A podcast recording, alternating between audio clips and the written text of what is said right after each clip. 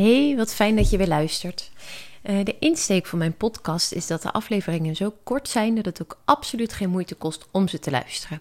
Want je hebt het al druk genoeg. En uh, als ik zelf een podcast zie van een uur, dan voel ik dat ik er echt de tijd voor moet plannen. Een lange wandeling maken of een lange autorit, dat is dan ideaal. Maar ja, dat doe ik ook niet elke dag. Um, en een podcast van een paar minuten kun je hopelijk gewoon even tussendoor luisteren. Tijdens het voeden, tijdens het kolven, tijdens de afwas, op de fiets of tijdens een korte workout. Ik ben heel benieuwd wanneer jij luistert. Laat het me vooral even weten. Je kan me een berichtje sturen via Instagram bijvoorbeeld. Um, maar dan nu, het onderwerp van deze aflevering.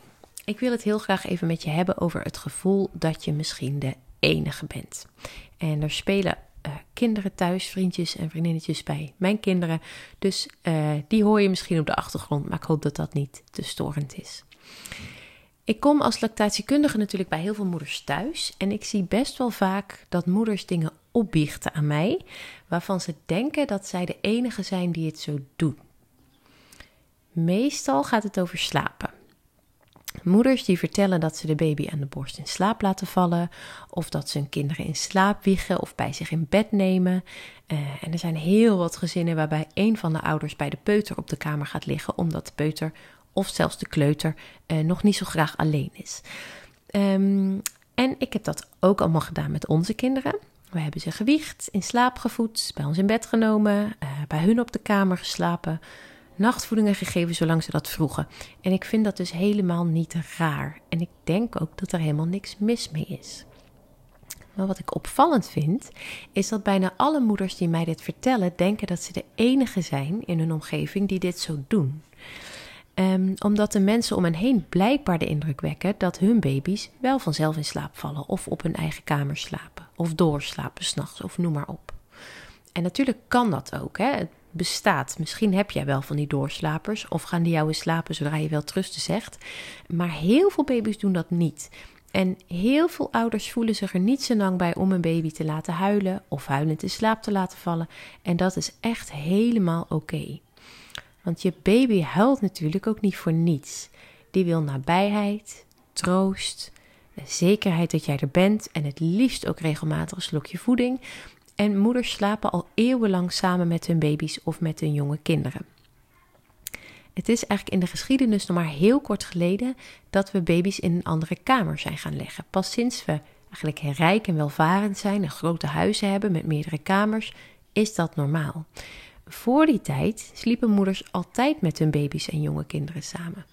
Um, denk maar aan zo'n 8000 jaar geleden bij de jager-verzamelaars. Een jager-verzamelaarmoeder zou het niet in haar hoofd halen om de baby ergens anders neer te leggen, want dat kan gevaarlijk zijn. En als je je baby dicht bij je hebt, dan kun je hem beschermen. Nou, en onze maatschappij is zo razendsnel veranderd en die blijft maar veranderen, maar onze lichamen uh, houden dat niet bij. En de baby's die vandaag geboren worden zijn nog bijna helemaal hetzelfde als de baby's van pakweg 5000 jaar geleden. Ze weten nog niet dat ze in een moderne tijd leven, met babyfoons met een camera bijvoorbeeld. Ze weten nog niet dat er uh, geen roofdier komt aanvallen. En ze weten dat ze volledig afhankelijk zijn van de zorg van volwassenen. En ze willen die volwassenen dus het liefst ook dicht bij ze in de buurt hebben. Nou, wat je misschien wel weet, is dat ons brein bestaat uit drie lagen. De buitenste laag is de neocortex en die wordt ook wel het mensenbrein genoemd. En met het mensenbrein kun je nadenken, rationaliseren, jezelf vertellen dat je baby hartstikke veilig ligt in zijn eigen kamertje. De tweede laag is het limbisch brein, ook wel het zoogdierenbrein genoemd. En in dit deel van de hersenen zitten je emoties, ehm, je motivatie, je sociaal gedrag. En het allerbinnenste stukje van je hersenen, je hersenstam, wordt ook wel het reptiele brein genoemd. En dit is het oudste stukje van de hersenen. Dat, zit al het langst in de evolutie. Uh, zit dat bij ons. En dat reageert het meest primair. Je reptiele brein gaat aan bij gevaar. En het zorgt voor je fight, flight of freeze reactie. Nou, en het reptiele brein en het zoogdierenbrein, die maken eigenlijk de meeste beslissingen, want die werken ook veel, veel sneller dan je mensenbrein. Nou, en dit is dus bijvoorbeeld ook je intuïtie en je instinct. Nou, even terug naar baby's. Uh, een pasgeboren baby die nog niet kan praten en begrijpen wat je zegt, die gaat volledig op zijn reptiele en zijn zoogdierenbrein. Merkt hij dat hij alleen is, dan gaat hij huilen, want daarmee kan die volwassene roepen om hem te beschermen. Dus dat is een overlevingsmechanisme. En hetzelfde geldt voor jou. Rationeel kun je vinden dat je baby veilig is of dat hij moet leren slapen, maar veel sneller dan je ratio zijn je reptielen en je zoogdierenbrein. Die horen je baby huilen en daarop gaan ze aan. En ze zorgen dat je het gehuil vervelend vindt, het roept stress bij je op en je wil daar iets aan doen. Ehm, je voelt dan, ik wil hem oppakken, ik wil hem bij me nemen, ik wil hem beschermen en dus doe je dat dan. Nou, en wat ik hiermee wil zeggen is dat het dus zo logisch is dat jij je baby bij je neemt. Uh, dat je hem aan de borst in slaap laat vallen of dat je hem bij je laat slapen, dat je hem oppakt als hij huilt.